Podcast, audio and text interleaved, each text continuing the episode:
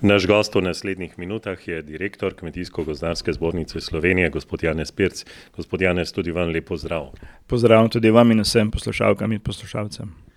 Nekako v, smo v tem času, preden se oblikujejo novi ukrepi skupne kmetijske politike, postavlja se vprašanje, kje je mesto slovenskega kmetijstva. Marsikdo ga vidi kot tistega, ki je pravzaprav kriv za recimo govedoreja, toplogredne pline in tako naprej. Na Kmetijsko-gozdarski zbornici Slovenije pa opozarjate, da sta dve funkciji, torej ohranjanje narave in hkrati obdelanosti podeželja ter pridelava hrane. Tisto, kar kmetijstvo v Sloveniji je. Morda bi naše poslušalke, poslušalce opozorili na ta dejstva, gospod Janez. Na zbornici podpiramo prizadevanje, se pravi države in družbe nasploh za zaščito narave, zato pri svoji dejavnosti veliko pozornost namenjamo prav tem ukrepom, ki spodbujajo prilagajanje kmetijstva vse ostrejšim zahtevam, se pravi za povečanje dobrobit živali, ohranjanje vsega okolja. Dejstvo je, da imamo v Sloveniji štirideset odstotkov slovenskega ozemlja obsega na območje Natura dva tisoč, kar je največ v Evropski uniji. Poleg tega z v Sloveniji v zadnjih, osemindvajsetih letih in pa več se uporaba fitofarmacevtskih sredstev prepolovila. Tudi pri drugih, kazalnikih smo, pri uporabi antibiotikov in pa, se pravi, pri gnojilih na repu v Evropski uniji, se pravi, kmetijstvo ni ključni dejavnik pri vplivu na podnebne razmere. To so nam pokazale lanske posledice zaprtja celotne družbe zaradi korona krize v svetovnem merilu, kjer je za kratek čas obstal celoten promet, delna industrija. V tem času pa je kmetijstvo bolj ali manj, se pravi, nemoteno delalo, kmet je še vedno šel v štalo, krave so jedle in biki in, kmetijstvo je v bistvu teklo več ali manj nemoteno naprej. Dejstvo pa je, da v tistem kratkem zapiranju sveta so se podnebne razmere zelo hitro izboljševale. Zemlja je že kazala na marsikaterih, krajih izboljšanje, stanja.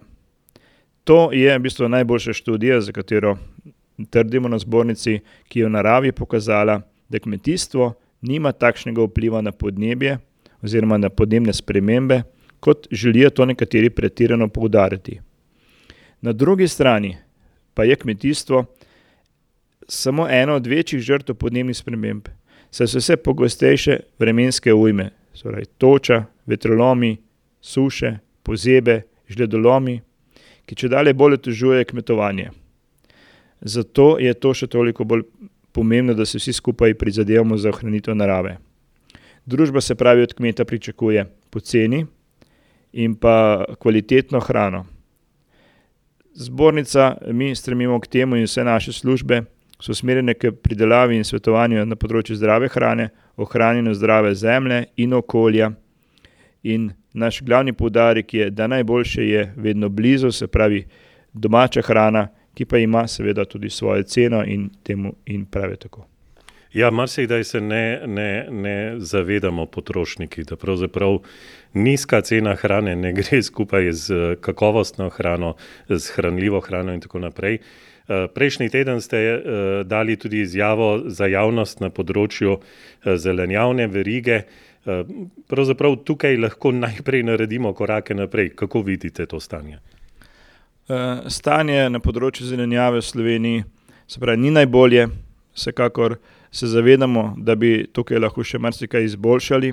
Dejstvo je, da slovenski potrošnik iz leta v leto, tako nam kažejo podatki, več, zelenjave poje, se pravi, to zavedanje je, se pravi, ampak te zelenjave se veliko uvozi.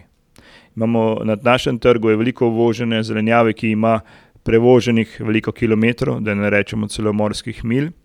In tukaj vidimo, da je nov strateški načrt, bi mogel dati tudi neki poudarek v zelenjadarstvu. Na, glede na majhno posestno strukturo slovenskih kmetij in pa naravne danosti bi lahko zelenjava tudi, pripomogla dodaten vir prihodka na slovenskih kmetijah. In, ta delež samooskrbe, ki je zdaj oseminštirideset procentov, se pravi, ga lahko še marsikaj povečamo, izboljšamo in s tem naredimo, da naši potrošniki, se pravi slovenski, pridobijo, več, zdrave, doma pridelane hrane, prispevajo k tem, k nizkem ogličnem odtisu, k zmanjšanju osnaževanja okolja, kmetje pa bodo na ta način lahko si izboljšali svoj prihodek. Verjetno so tudi to predlogi, ki ste jih zasledovali v vaših predlogih glede strateškega načrta skupne kmetijske politike.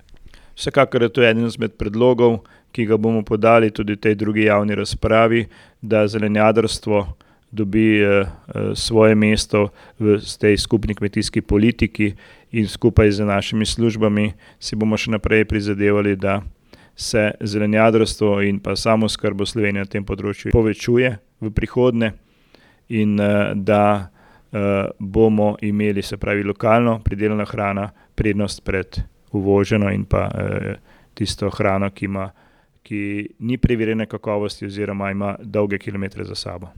Hvala lepa, vse dobro. Hvala tudi vam.